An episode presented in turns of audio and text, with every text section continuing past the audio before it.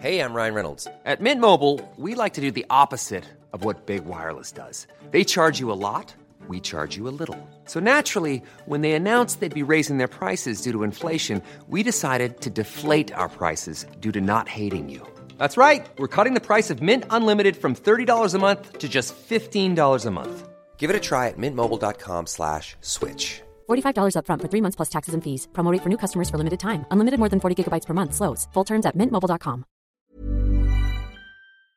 Den här veckan så har vi ett betalt samarbete med Synoptik och deras glasögonabonnemang Synoptik All Inclusive. Ja, det är ett tryggt och bekvämt sätt att ha glasögon där man kan kombinera med eh, solglasögon och linser och där all service ingår som fria glasbyten när din syn förändras, otursskydd om du klantar till det. Ja, vet du vad Måns? Det helt sant. Bara i år har jag satt mig på två par glasögon. Då är det här något för dig. Dessutom får du möjlighet att byta ut ett par varje år. Så kan det ju vara lyxigt att ha solglasögon med styrka. Det har jag köpt i år redan ju. Och till och med såna här eh, med dynamiska glas, har du såna då? Nej. Där glaset blir mörka ute i solen Ja. och ljusa när man kommer in. Allt inkluderat i en fast månadskostnad från 90 kronor i månaden. Inga oförutsedda kostnader. Dessutom har de ett erbjudande. Du får alltid 30% på alla glasögon och solglasögon när du tecknar ett Synoptik All Inclusive. Läs mer och boka tid på synoptik.se. Oh, fråga Anders och Måns.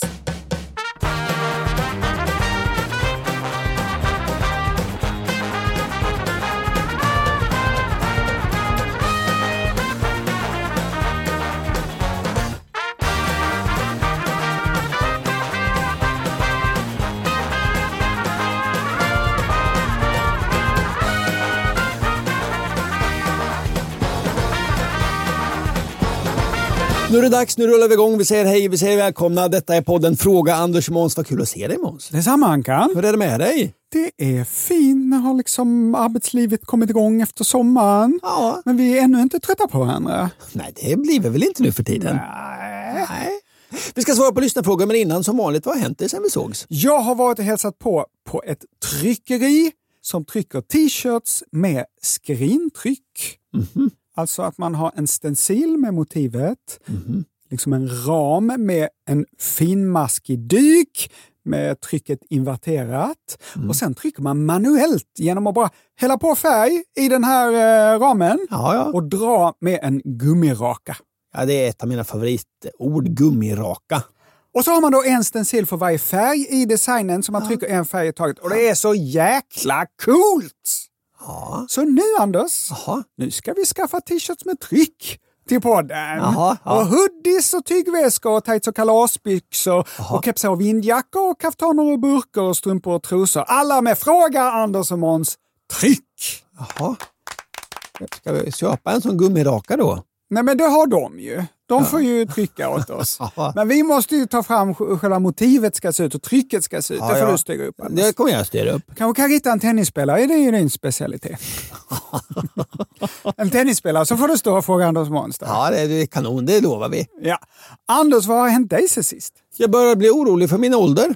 Mm, det Men har Anders- faktiskt en del tjat om detta tycker Nej, jag. men, men Anders, det? tänker du, nej men det är väl inte, nej, nej, vad sluta Men vänta, köra. har du fyllt fem? Nej, du ska fylla Nej, 50. inte fyllt fem, jag är 49. 49, ja. Kan det vara en är- begynnande Nej, 50-årskris? nej. Nej. Nej, det är inte så att jag kommer tappa håret och, och höra dåligt och, och, och, och få gubbmage. Nej, det är inte det. Jo.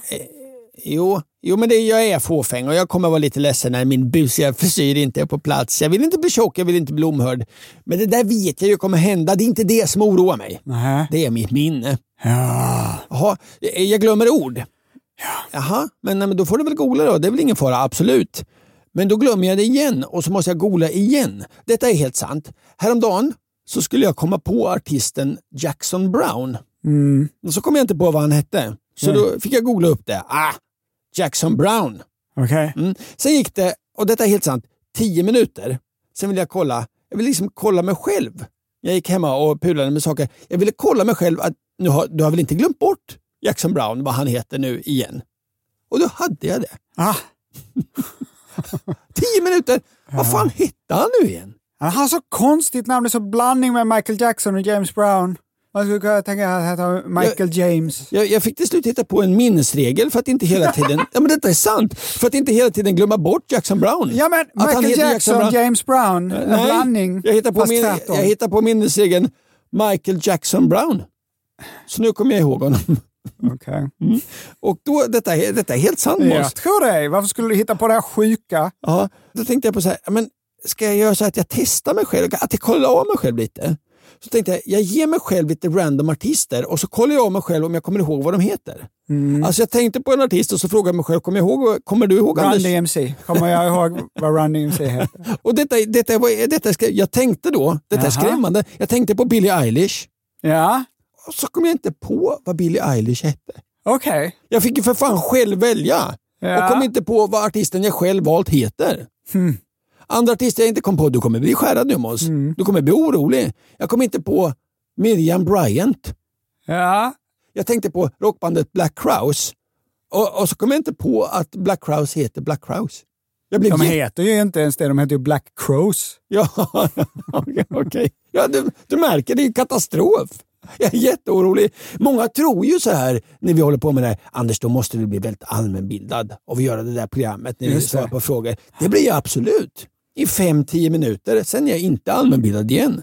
För har glömt bort sig. ah, vet du vad, jag, jag har upptäckt precis samma sak med mig själv, att Mm. jag eh, tappar namn.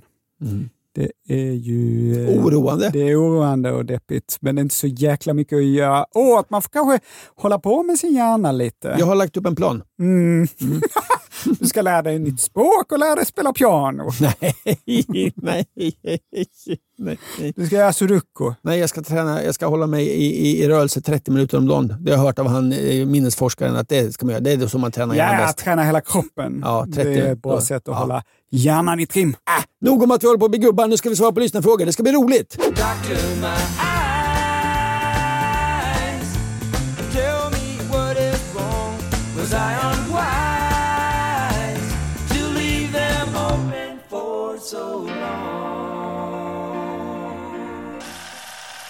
Första frågan kommer från Elin. Hej Anders och Måns! Hur kommer det sig att vi människor har så känsliga tänder? Det talas ständigt om att människan sedan begynnelsen har haft dålig munhygien och att det bara är de senaste hundra åren som vi har blivit bra på att ta hand om våra tänder.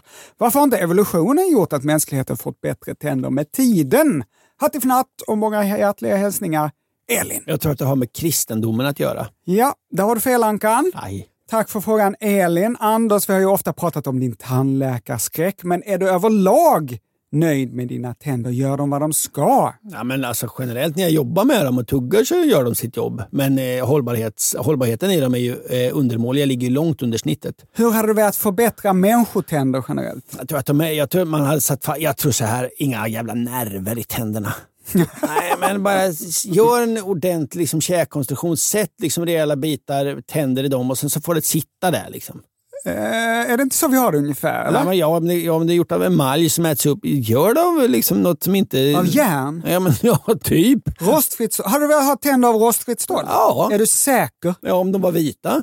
Vita tänder av rostfritt stål? Ja. Okej. Jag vill inte ha några nerver. Om det går hål i dem så att det ska göra ont, det är bättre att man får bara, då fyller man Det är i. inte meningen att det ska gå hål på dem så gör det ont. Men det är så det funkar. Vi ska nu jämföra människotänder med andra djurs tänder och se om det finns bättre lösningar. Det måste det finnas. Hajar Hajar, just det. har ju jättemånga tänder. Hos alla ryggradsdjur som har tänder, till exempel däggdjur och kräldjur, är tänderna gjorda av samma material och uppbyggda på samma sätt. Stommen i tanden består av tandben, som också heter dentin, och så här står det i Nationalencyklopedin. Dentin är hårdare än vanlig benvävnad. Den består till cirka 70% av oorganisk substans. Kalkmineralet hydroxylapatit som är inlagat i ett organiskt nätsystem. Fattar du Ankan? Nej. Det är som ett en ram av organiskt material och sen är det fyllt med den här kalkmineralet, den här stenen. Sen är tanden då överdragen av en- Emalj. emalj Ja, just det. Ja. Som är kroppens hårdaste material. Ett jävla tjat om att det är kroppens hårdaste material. Så hårt kan det inte vara om det, om det inte klarar av lite, Nej. bak- lite syra. Men kroppen är ju inte bra på att liksom tillverka diamant Eller säg något annat superhårt. Ja, men det, det kan ju tillverka gallsten. Det är ju superhårt. Ja, men då är nog... Eh, alltså gallsten är väl kanske en biprodukt. Njursten heter väl. Njursten. Men det är ändå vettigt att kroppen väljer att lägga sitt hårdaste material den har I njuren. runt tanden. Ja, det är smart. Ja. Och Det här är alltså samma för alla djur hur tänderna är uppbyggda, men sen skiljer det sig åt. De flesta däggdjur har precis som människan två uppsättningar tänder. Mjölktänder och permanenta tänder. Det här gäller hundar och älgar. De flesta djur. Visste du att älgar har mjölktänder? Nej, nu vet jag. Nu vet jag. Men för vissa djur räcker inte det här. Hajar som du var inne på, krokodiler, de får nya tänder hela livet. Ja, det är därför man ofta hittar maj, eh, hajtänder när man badar i varma länder. Ja, men precis. Så fort en hajtand trillar av så växer det upp en ny hur många gånger som helst hela livet. Hade du velat ha det så här? Mycket hellre. Det hade varit bra. Vet du hur elefanters tänder ser ut? Ja, de är väldigt platta. De har inga framtänder. Det är därför man inte ser elefanter med ett stort brett vitt leende. Nej. De har bara två kindtänder på varje sida som är då stora, avlånga och räfflade. Och elefanten har en spännande tandväxling. På alla andra djur så kommer nya tänder underifrån. Men hos elefanten så kommer de nya tänderna liksom bakifrån. När tanden som används längst fram har blivit sliten så faller den av och då istället så bara glider det fram en ny. Alltså liksom in bakifrån. Alltså det är som att vi skulle få en, eh, en tand, eh, tänder liksom bortifrån gommen någonstans. Som att våra framtänder hade ramlat av och då hade visdomstanden liksom glidit fram. Hade du velat ha det så här Anders? Nej, då är hajsystemet bättre tycker jag. Och så finns det då djur som inte byter ut sina tänder överhuvudtaget. De har bara en uppsättning tänder hela livet, men istället så växer de hela tiden. Anders, vilket djur skulle du säga har världens bästa tänder? Alltså, Eller det att du ligger vaken om nätterna och klurar på det här? Ja, men jag, jag, jag tycker nog... Skriver eh, så här... Eh, topplistor och sånt. Topplistor, nej. emot. nej, men jag har alltid haft hajsystemet. eh, Det var därför jag droppade det direkt. Jag, jag, jag, hajarna. Rätt svar är bävern. Ja, det är såklart. Den kan ju... Kan ju ja, den kan, det är bra tänder. Eller jag byter till bävern. Anders, hade du känt dig bekväm om du var med i Bäst i test och David Sundin sa så här. Ankan, du ska fälla den här jättelika eken, men du får bara använda dina tänder. Ja, men det hade jag nog sagt. Det här kommer inte gå, hade jag nog sagt. Hade du litat på att dina tänder höll för att gnaga igenom en, en hel trästam? Nej, det hade jag inte gjort. Nej, men detta är alltså vardagsmat för bävern. Bäverns tänder håller! Hur kan de göra det? Hur kan de vara konstruerade för att hålla de här enorma påfrestningarna? Vad tror du? Vad är det? jag, jag har så dåligt med bävertandsteorier. Ja. Ja. Om du tänker dig en bäver, ser du något särskilt med Med stora framtänder. Stora framtänder, just Ja, det. Jag tror att de växer konstant. De växer hela tiden. Det gör de. Ja. Och de gnagar, de slits ner, det kommer nytt underifrån tror jag. Just. Ja. Har de särskild färg eller? vita. Nej. Bäverns tänder är orangea eller roströda. Oh. Och det här är för att de har Järn i sig. järn i sin emalj, ja, som förstärker emalj. Jag vet inte alls hur det går till, men det hör man ju på namnet att järn förstärker. Järn förstärker ju vad som helst, eller hur? Ja. Förstärker emaljen. Ja. Ja. Det ser man på ditt ansiktsuttryck också när du säger att Åh, du tycker det är tufft. Anders, hade du stått ut med roströda tänder om det innebär att de blir mycket, mycket starkare? Ett rungande ja från min sida.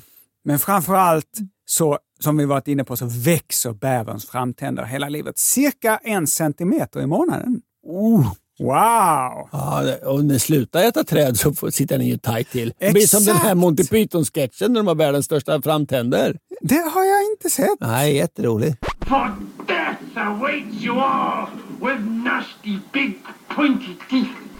Precis som du säger så kan det bli ett problem om man har bävrar i fångenskap. Om tänderna inte slits som de ska, då kommer de bli för långa.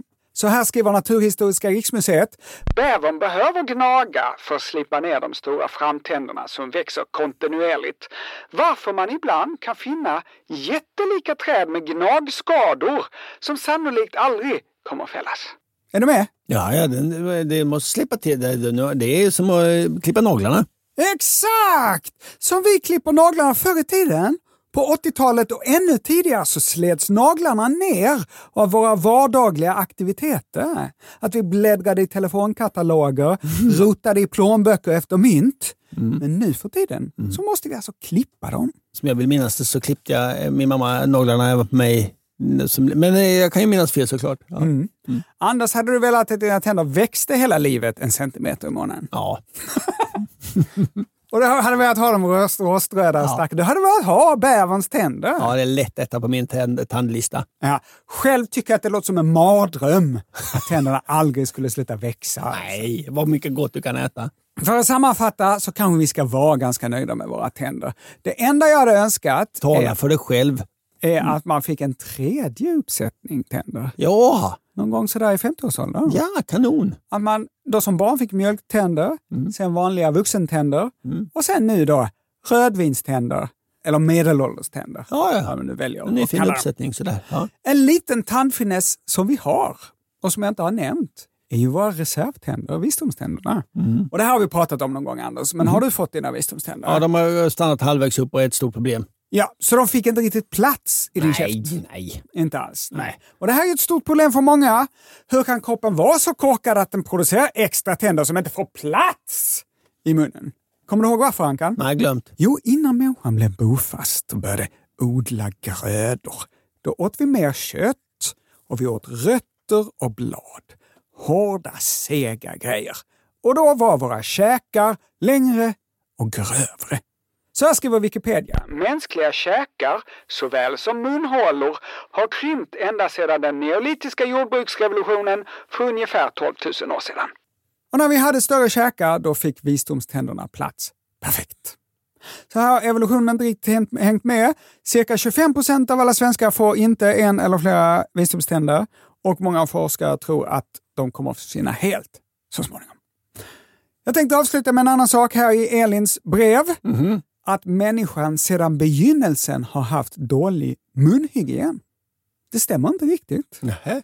Våra tänder slets mer eftersom vi då tuggade på rötter och att födan ofta innehöll sand. Det sliter ju ner såklart. Men vi hade färre munsjukdomar. Det har att göra med att vi har börjat äta så mycket socker såklart. Just det. År 2013 så publicerade en forskargrupp från Australian Center for Ancient DNA en studie i Nature Genetics. De hade kollat på förkalkad plack på forntida tänder från 34 förhistoriska mänskliga skelett och kom fram till att när vår kost förändrades över tid, från kött och grönsaker och nötter till kolhydrater och socker, så förändrades också sammansättningar av bakterier i våra munnar. Jägare-samlare hade riktigt bra tänder, säger Alan Cooper som var chef för den här forskargruppen. Men när du kommer till jordbruksbefolkningen ser du en stor förändring, enorma mängder tandköttssjukdomar och hål i tänderna. Så det här är ett tips till dig Ankan och brevskrivaren Elin. Om ni vill ha bättre tänder så ska ni dra ner på tacos och hallonskallar och istället äta nötter, rötter och rått kött. Rått kött är gott alltså. ju. Eh, tartar till exempel. Ja, Ja, fast helst det ska vara det sega köttet ju. Ja, ja, ja. Så se, råa sega biffar. Ja. Mm, det är ett litet tips.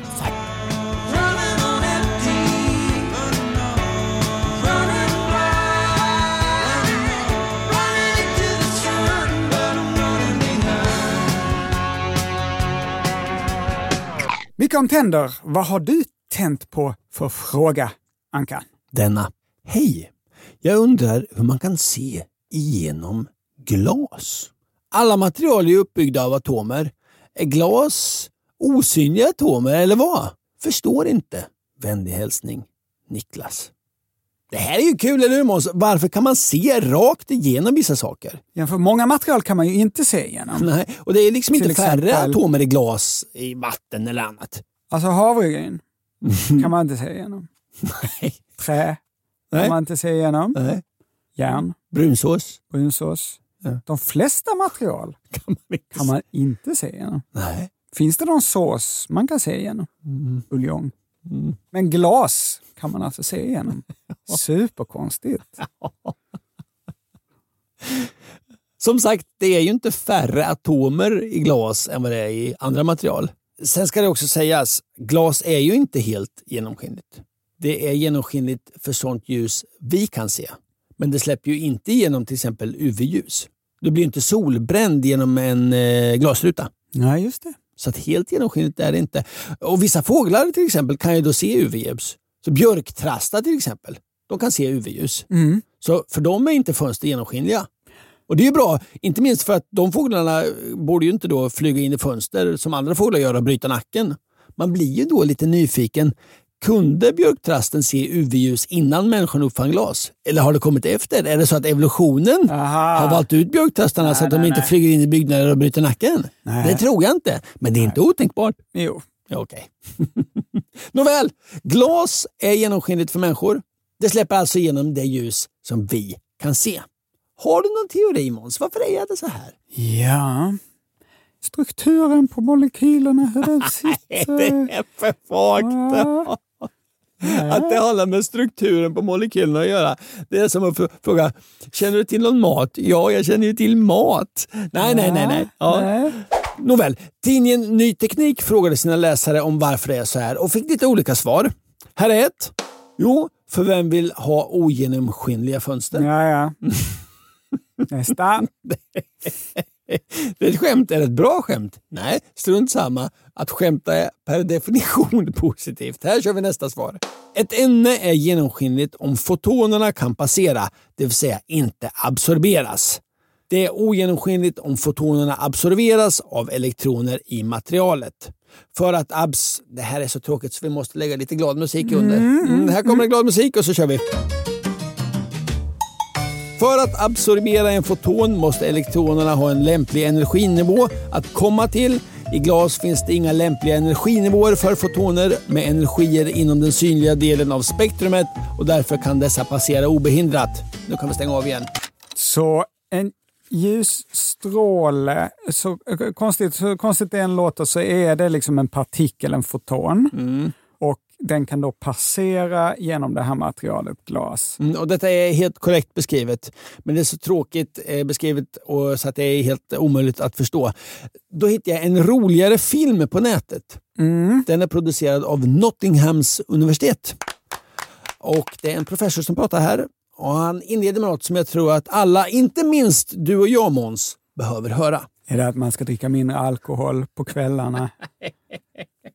type in why is glass transparent into Google and you get a number of sites which just give you completely incorrect answers, completely wrong an- answers, disturbingly wrong, in that they explain it in terms of, well, glass is like a liquid and uh, the molecules don't pack as tightly as they do in a solid, and therefore there are gaps uh, in the in in glass that the light can get through. That is wrong, badly wrong on so many different levels. Ja, så där har vi alltså svaret att glas är som en vätska och då finns det hålrum mellan molekylerna där ljusstrålarna kan smita igenom. Vad professorn säger alltså, det man hittar på internet är inte alltid rätt. Bland annat är det alltså inte så att glas är lite som en vätska som har glesare mellan atomerna så att ljus kan komma igenom. Glasmåns är ingen vätska.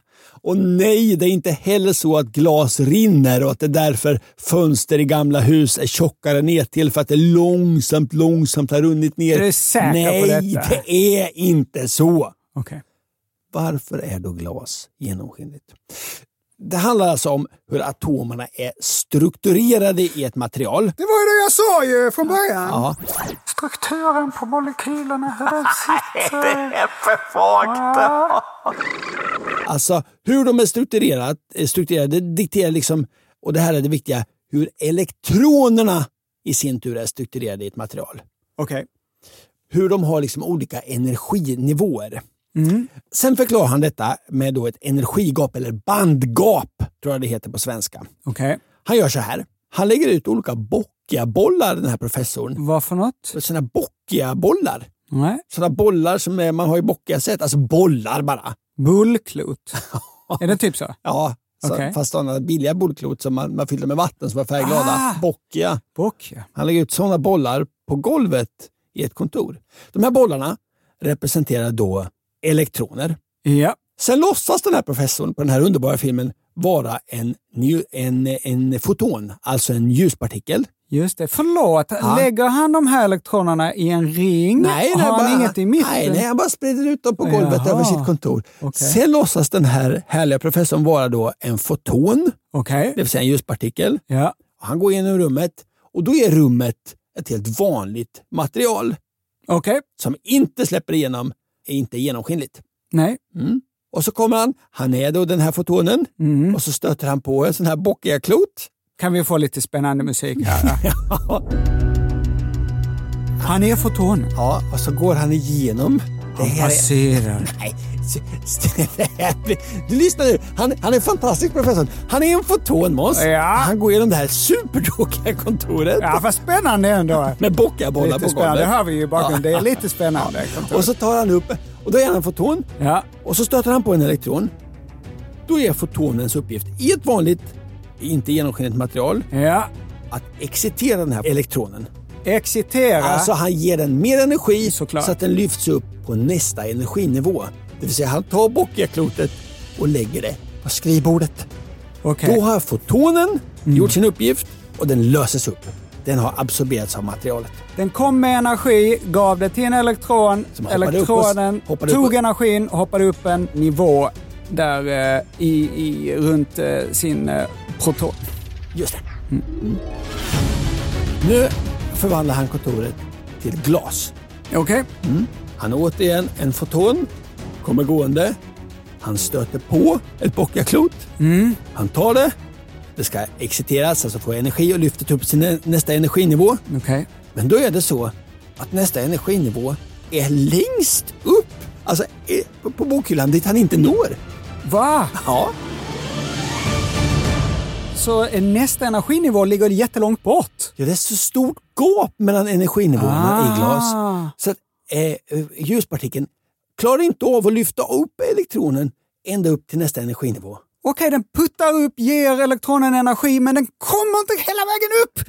Nej. Istället så glider den ner där den var. Du vet, elektroner kan ju inte vara liksom fritt mellan de olika Nej, energinivåerna. nej, nej, nej, nej. Så i genomskinliga material är det så stort gap mellan energinivåerna Aha. så att fotonen lyckas inte lyfta upp energi och då, ja, då har den inte fullgjort sin uppgift. Den fortsätter rakt igenom. Och vi upplever den som ljus på andra sidan. Okej, så fotonen kan inte lämna över energi till den här elektronen, Nej. utan behåller sin energi och fortsätter eh, förbi. Visst är det en ganska bra förklaring han gör? Ja, om det är rätt. Jag vet ju inte om det här är rätt. Ja, men han är ju en professor. Vi får lita på att det är rätt. Sammanfattningsvis då, material är genomskinliga för att det är för stort gap mellan de olika energinivåerna som elektronerna kan hoppa mellan. Mm, mm, mm, mm. Det var tråkigt men korrekt sammanfattat.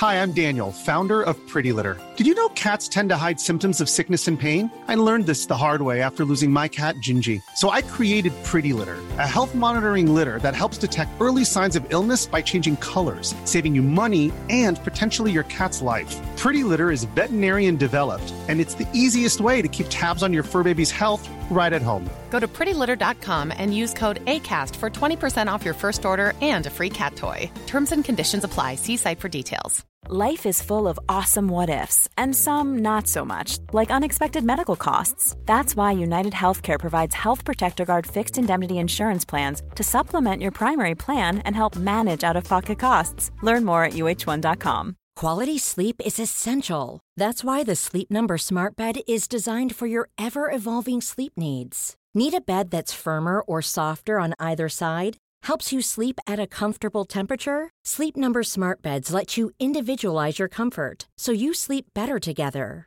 JD Power ranks Sleep Number number 1 in customer satisfaction with mattresses purchased in-store. And now, save 50% on the Sleep Number limited edition Smart Bed for a limited time. For JD Power 2023 award information, visit jdpower.com/awards. Only at a Sleep Number store or sleepnumber.com. nu ska vi väl ha lite återkoppling va? Ja! Här kommer ingen. Pling, pling, Pling. pling. Åter, åter, Återkoppling. åter. Pling. Mer lysande feedback från i somras. I ett av sommarprogrammen så berättade jag om hur olika sorters tvättmedel funkar. Tvål, såpa, schampo, diskmedel och så vidare. Och den minsta gemensamma nämnaren, den aktiva substansen, är Jag har just berättat att jag kommer inte ihåg saker. Jackson Brown! Tensider. Ja, just det. Tensider. Så här skriver Nilas. Hej! Jag är imponerad av hur bra Måns lyckades förklara hur tensider fungerar. Tack så mycket Nilas. Tackar, tackar. Snällt, fint. Tack så mycket. Tack för det. Vi går vidare. Men jag tycker att ni missat en del av magin, så jag tänker att jag skulle ge er en liten lektion i tensidernas magiska värld. Tensider är som ni vet molekyler som har en ände som älskar vatten, hydrofil, och en ände som hatar vatten, hydrofob. När man blandar tensider med vatten får de panik och försöker fly från det hemska vattnet. Det måste vara bildligt talat. Ja, och din dramatisering tycker jag den, den lämnade lite övrigt att önska. Nej, Nilas fortsätter. Du spelade över. De rusar till ytan, tensiderna, alltså ställer sig på rad med sina hydrofoba svansar upp i luften och sina hydrofila huvuden ner i vattnet. Det här gör att vattnet får lägre ytspänning, vilket gör det lättare att blöta ner saker, men det är en annan historia. Men vad Det händer också då? man kan vara elak mot eh, såna här eh, skräddare. Det gjorde vi när vi var små. Man, hade lite så tvål eller någon, någon Aha, tvättmedel. du menar insekten skräddare Ja. som springer runt på vattenytan? Ja, så hade man det lite så tvättmedel i en sprutfla, i sån eh, växtspruta, Ja. blomspruta. Jaha. Och så sprutade man på skräddarna så. Så drunknar de? Man gled ner i, då, klarade de inte, då försvann ytspänningen. Det var inte snällt. Nej, men man var ju ett as när man var barn. Men vad händer då när ytan är full av tensider? Jo, de som inte får plats där uppe har inget annat val än att klumpa ihop sig med varandra i små bollar som kallas miceller. I en micell sitter de hydrofila huvudena utåt. Mm, det gillar de, ju vatten. Just det, och de hydrofoba svansarna inåt. Och nu kommer det bästa. Eftersom olja och fett också är hydrofoba ämnen så vill inte de heller vara i vattnet. Så vad gör de? Jo, de smiter in i micellernas inre där det är torrt och mysigt och fattar inte att de har blivit lurade in i en liten fälla.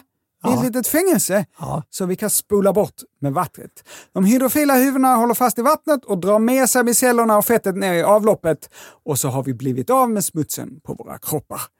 Eller hår, eller kläder, eller disk. Med vänlig hälsning Nilas som läser tredje året på ett kemitekniskt program och tyckte att ytspänningskemi var den mest spännande kemin hittills.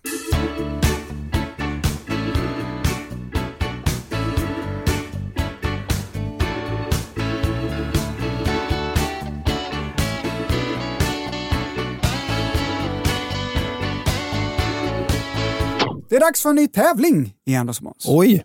Vi kommer ha en nomineringsrunda och sen ska vi kora en vinnare, eller i det här fallet en förlorare. Det är Simon som tagit initiativ till den här tävlingen. Hej Anders och Måns! Av någon anledning jag... Simon Le Bon. Vem är Simon Le Bon? Han sjunger Duran, eller sjunger i Duran Duran. Det är inte Simon Le Bon. Jag vågar, eh, jag vågar lova att det inte är den här sångaren i Duran Duran. Ja.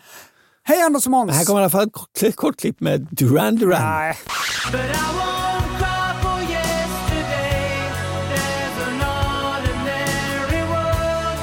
Hej Anders och Måns! Av någon anledning har jag bestämt mig för att vi måste kora svenskans absolut fulaste ord. Om vi bortser från svordomar, könsord och liknande, vilket är då det fulaste vanliga ordet som finns? Jag skulle vilja påstå att orden slev och njöt åtminstone hamnar i topp fem. Med vänlig hälsning Simon! Tack för detta Simon, spännande. Jag håller med om att ordet njöt är fult. Jag tycker slev är ganska fult också. Slev. Men njöt. Ja. Nj- slev. Njöt. Njöt. Ja, nej, det är, Slev är ju fint. Slev. Ja. det är nej, men det är ju inte i närheten, det är inte i närheten av gummiraka. Det är vackert. Gum, ja, det är vackert, ja, men nu var det inte det som var frågan. Nej, nej. Här är några andra ord som jag tycker är ännu fulare än njöt. Är det dina ord? Flärp, lobb och krögare. Vad säger du om dem? Ja, jättefula ord. Lobb. Lobb. Det är som ordet inte bara tar slut plötsligt. Lobb. Men det här är inte snyggt. En skänk. Skänk. För en, en vacker möbel att den heter en skänk. Vill du nominera något annat ord? Grep. Grep. Ja. Ja, det är fult. Kvast. Kvast. Termos. Termos. Ja, det är fint tycker jag. Termos. Det tycker jag är fint. Vilket är svenskans filaste ord? Skriv in ditt förslag till... Fraga snabel andersochmans.se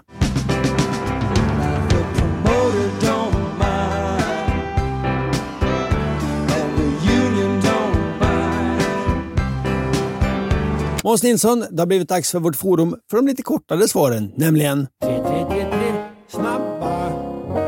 snabba är kul att komma tillbaka till, eller hur Måns? Hej, Anders Vulkan och Måns poddare. Här kommer en fråga jag grubblat på ett tag.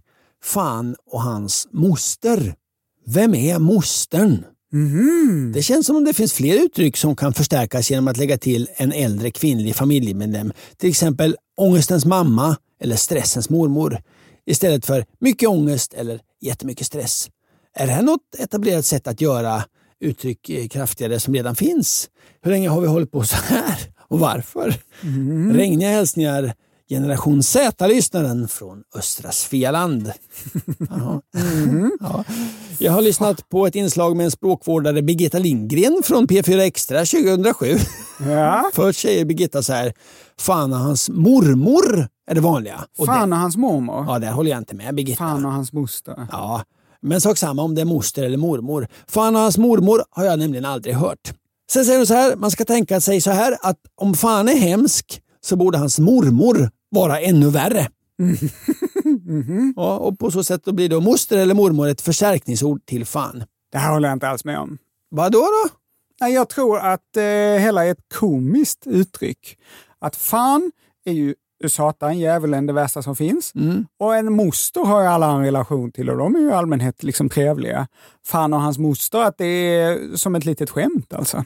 Att man klumpar ihop eh, en ond och en god. Nu, nu eh, ifrågasätter du en utbildad språkvetare, Birgitta Lindgren här, men Ja. absolut.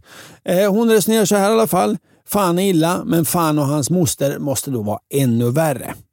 Sen hävdar hon att det här går tillbaka till en tysk folksaga som finns återberättad av bröderna Grimm.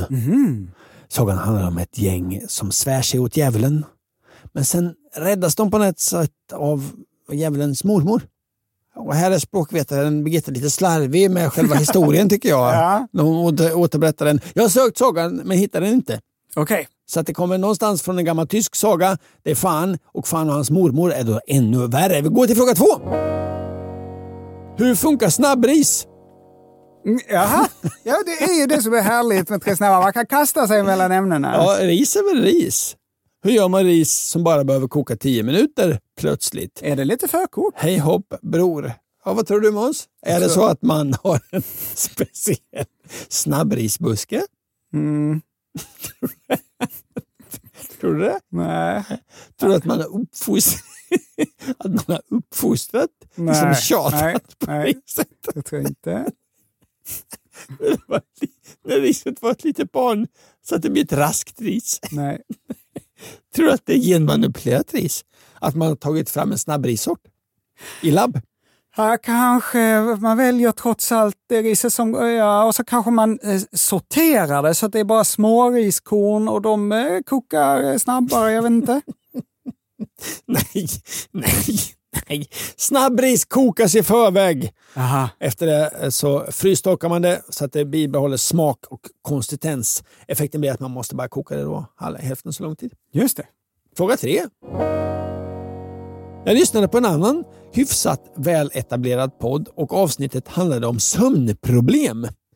Om inget annat hjälper kan man ju använda den klassiska metoden att räkna får, sa den till avsnittet inbjudna sömn, sömnexperten. För det som inte känner till metoden så går det ut på Ja, att man det då... känner väl alla till? Okej, då skiter jag i det. Ett antal frågor infann sig i mitt huvud och jag hoppas ni kan hjälpa mig med någon form av svar. När började man först räkna får för att somna? Mm. Var hände detta och vem kom på metoden? Finns det överhuvudtaget några bevis för att det här fungerar? Kan får ens hoppa?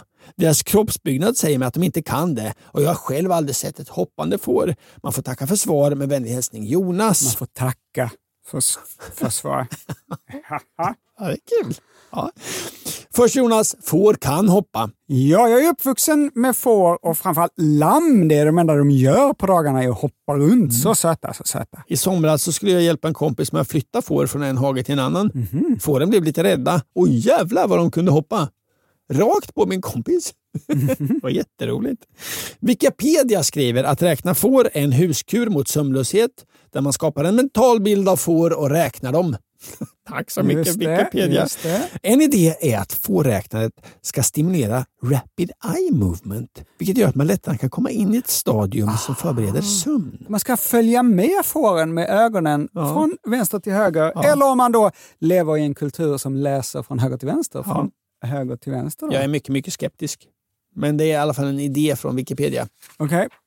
Readers Digest har en artikel om historien bakom att räkna får och där lär jag mig detta.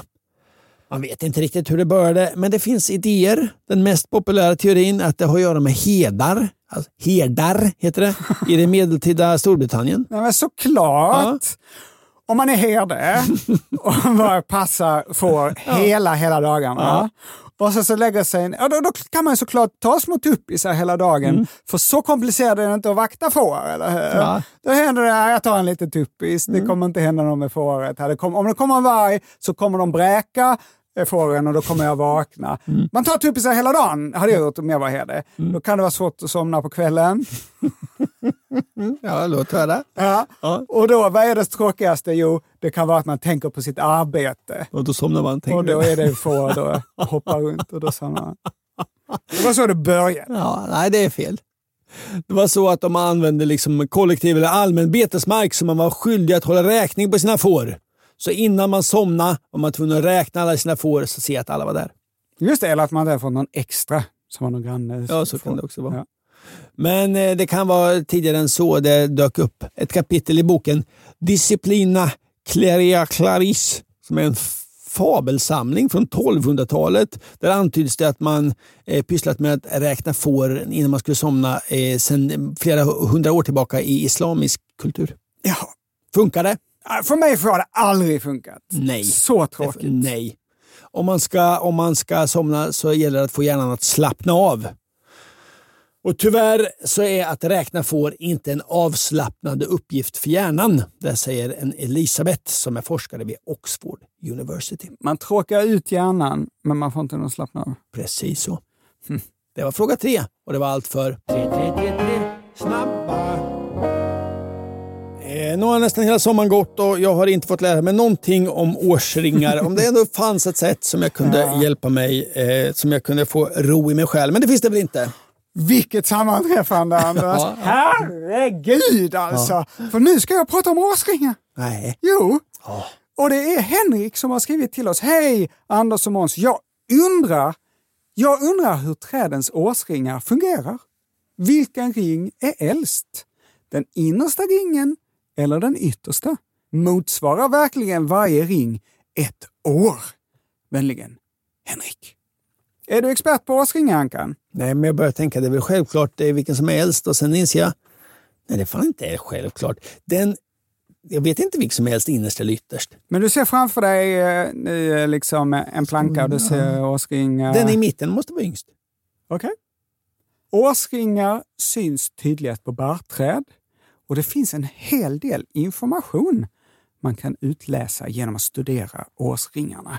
Till exempel hur vädret var på sommaren för eh, tio år sedan. Just det, för då blir de, om det var fint väder och lagom mycket regn så växer de mer och sådär. Just det. Anders, eh, nu kapar vi en tall. Ser du det framför dig? Nu har vi kapat en tall. Ja. Stubben är kvar där liksom. Hur skulle du beskriva att årsringarna ser ut? Eh, Ljust mörkt, ljust mörkt, ljust mörkt. Ljust mörkt, okej ja. Det börjar i mitten och Ja. det är ljusa fält, ljusa cirklar, eller hur? Som följs av lite tunnare mörka cirklar. Just det. Så kommer det en ny ljus cirkel som är lite tjockare. Ja, så blir det tjockare, tjockare, tjockare. Eh, ja, okej, okej. Och den ljusa cirkeln plus den tunna mörka cirkeln, Det är en årsring. det är en årsring. Ja. Det är så mycket ved som det här trädet liksom la på sig under det levnadsåret. Mm. Är du med på det? Absolut. Och träd skapar ny ved i ytterkant av stammen, närmst barken. Mm. Så ringen i mitten av stammen är det första levnadsåret. Ja, då hade jag fel ja. Och årsringen längst ut mot barken är det sista levnadsåret. Såklart ja. Ja. Så då kan man alltså räkna hur många år det här trädet levde genom att då räkna årsringarna. Men Anders, varför uppkommer de här lite mörkare cirklarna Ja, i, i årsringarna? då är det väl vinter. Jaha, hur tänker du då? Nej, men då är det kallt och trädet växer inte och kan inte utvecklas så då blir det lite, går långsamt och lite sämre. Ja, du har helt rätt och helt fel. Mhm. När på året växer träd som mest? Under vilken årstid bildar de mest ved? Försommaren. Bra! Så här säger Erik Agestam vid institutionen för sydsvensk skogsvetenskap vid SLU i Alnarp. Barrträden bildar under våren en lätt ljus ved och fortsätter med detta så länge det är rätt förutsättningar i temperatur och nederbörd. När växtprocessen avtar under sommaren bildas ett lager tätare ved som antar en mörkare nyans. Den ljusa vårveden och den mörka sommarveden utgör en mycket tydlig årsring. Ja, Så det ljusa fältet och det mörka är alltså vad trädet har växt under våren och sommaren. Under hösten och vintern bildar trädet ingen ved alls. nej. Så när det börjar komma ljusved igen efter det mörka strecket på årsringarna så är det alltså vår året därpå. Ja, bladen har precis kommit, ny energi kommer, mera ved bildas. Vad kan man utläsa av ringarna då, förutom hur gammalt trädet är? Jo, om ett ljust fält, en ljus cirkel, är mycket bredare än de andra, då har ju trädet bildat extra mycket ved just den våren. Och då kan man ju gissa att vädret varit extra gynnsamt. Ja, Eller hur? Eller har det varit så att trädet varit friskt och haft mindre konkurren- konkurrens från andra träd just det året? Men om man är dendrokronolog så kan man utläsa väldigt mycket mer. Vet du vad dendrokronologi är, Anders? nej, men det är väl någon läran om eh, årsringarna. Årsexakt metod för datering av trä. Om man är dendrokronolog så har man statistik över hur vädret har varit många hundratals vårar och somrar tillbaka i tiden. Om man då får en rejäl bit gammalt trä så kan man kolla. Tre smala ljusa ringar, det är tre vårar med dåligt väder, följt av en vår med bra väder, en tjock ring, följt av eh, fyra smala ringar, alltså dåligt väder, följt med tre med bra och så vidare. Man ser ett mönster och då kan man räkna ut vilka år som det här trädet har levt. Den här tallen fälldes 1983. Är du med? Ja, ja, hittills är jag inte chockad. Det är ungefär som att matcha ett fingeravtryck mot ett brottsregister. Mm. Fast ett trädstam och ett väderlek. Och dessutom så kan man räkna ut ungefär var trädet har vuxit. Ja, för man har då statistik över vädret på olika platser så känner man igen man, det blir som ett fingeravtryck för vädret och platserna också. Just det. Så här står det i Nationalencyklopedin. Årsringsmönstret blir i stort sett detsamma inom varje enhetligt klimatområde eftersom vädret där påverkar alla träd på samma sätt. Så om man har då en massa andra träbitar med årsringar att jämföra med och vet var de här träden har vuxit så kan man komma fram till både när och var trädet växte. Så här säger Hans Lindersson till Sydved. Han är ansvarig för Nationella laboratoriet för vedanatomi och dendrokronologi vid Lunds universitet. Ja, ja. Så här säger han citat. Ja. Om man inom arkeologin får in trämaterial så är det bingo. Dendrokronologi ger väldigt exakt tidsbestämning. På några prover från ett vrak jag sitter med fanns 119 årsringar att jämföra med. Så exaktheten när jag säger att trädet avverkades 1913 är stor. Och båten är byggd med virke från ett område på Öland. Coolt va? Får bara en träbit kan han ta fram allt detta. ja, han har datan till hjälp tror jag. Ja, ja, ja. Och nu får ni stå ut med att jag läser till ur en artikel på sydved.se. För det här är så jäkla spännande. alltså. Ja, ja. Bland de mängder av dateringar som Hans gjort minns han särskilt en datering av det så kallade Skaftövraket. Det hittades på västkusten och vi lyckades datera det till 1439. Men det var bara början på en fantastisk geografisk resa. Genom polska årsringsdatabaser kunde vi lokalisera virket som skeppet är byggt av till olika delar av Polen och Vitryssland. Vi kunde mer eller mindre följa dess väg genom floden Wisla. Han minns också uppdraget att datera ett redskapsskjul vid Ingatorps kyrka utanför Eksjö. Ja, det är ett ljust minne förstår jag. Ja. Så här säger Hans. Där hade man aningar om att det kunde handla om 1700-tal. Men det visade sig vara från år 1229. Oj, vilket gammalt redskapsskjul! De blev både glada och lite ledsna. Glada för att de hade Sveriges äldsta träbyggnad. Ledsna för att de nu fick flytta ut alla sina redskap och gräsklippa och bygga ett nytt skjul. Skrattar Hans. Fett va Anders? Ja, det det trodde du inte? Nej, det, var, att man kunde få så mycket fakta av, eh, av årsringarna. Nej, nej, de, de databaserna vill man ju in och nosa i.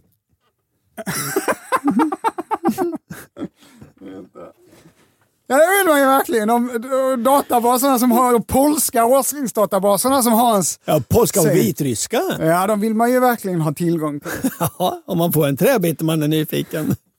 Så jag är väldigt, väldigt tacksam eh, för att Henrik skickade den här frågan till oss om Ja, årsringar som gjorde att jag behövde börja nosa i det här och började Jag läste rota i lite mer i tidningen. Vad hette ved? ved Sydved? Sydveds ja. medlemstidning. Och vi hoppas att vi får fler lika bra sådana här frågor. Om årsringar? Nu har vi ju betat av årsringar, så Ja, det finns- kan handla om finns- annat. Ja, men om det... Ja, ja. Mm, mm. Ja. Alla de här... Ja, finns det någon jourtelefon om man har en träbit? Om man, nu vill jag veta. Vet du vad Anders? Nej.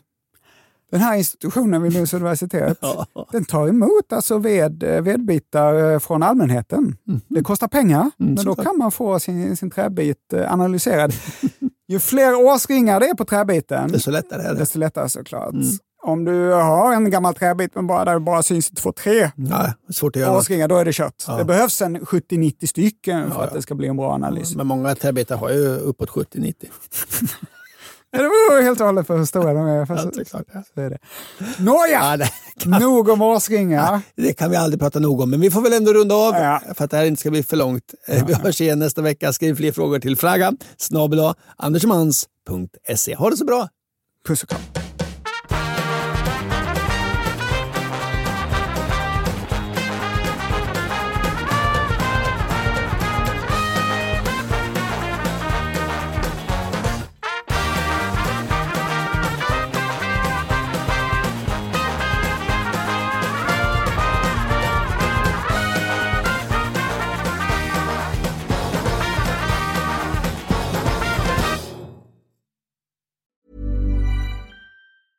Mom deserves the best, and there's no better place to shop for Mother's Day than Whole Foods Market. They're your destination for unbeatable savings, from premium gifts to show-stopping flowers and irresistible desserts. Start by saving 33% with Prime on all body care and candles. Then get a 15-stem bunch of tulips for just $9.99 each with Prime. Round out Mom's menu with festive rosé, irresistible berry chantilly cake, and more special treats. Come celebrate Mother's Day at Whole Foods Market. Planning for your next trip?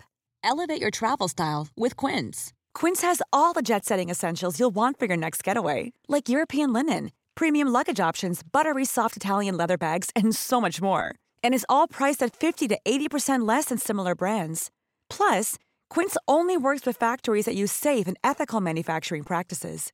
Pack your bags with high-quality essentials you'll be wearing for vacations to come with Quince. Go to quince.com slash pack for free shipping and 365-day returns. Need new glasses or want a fresh new style? Warby Parker has you covered. Glasses start at just 95 bucks, including anti-reflective, scratch-resistant prescription lenses that block 100% of UV rays. Every frame's designed in-house with a huge selection of styles for every face shape. And with Warby Parker's free home try-on program, you can order five pairs to try at home for free. Shipping is free both ways too.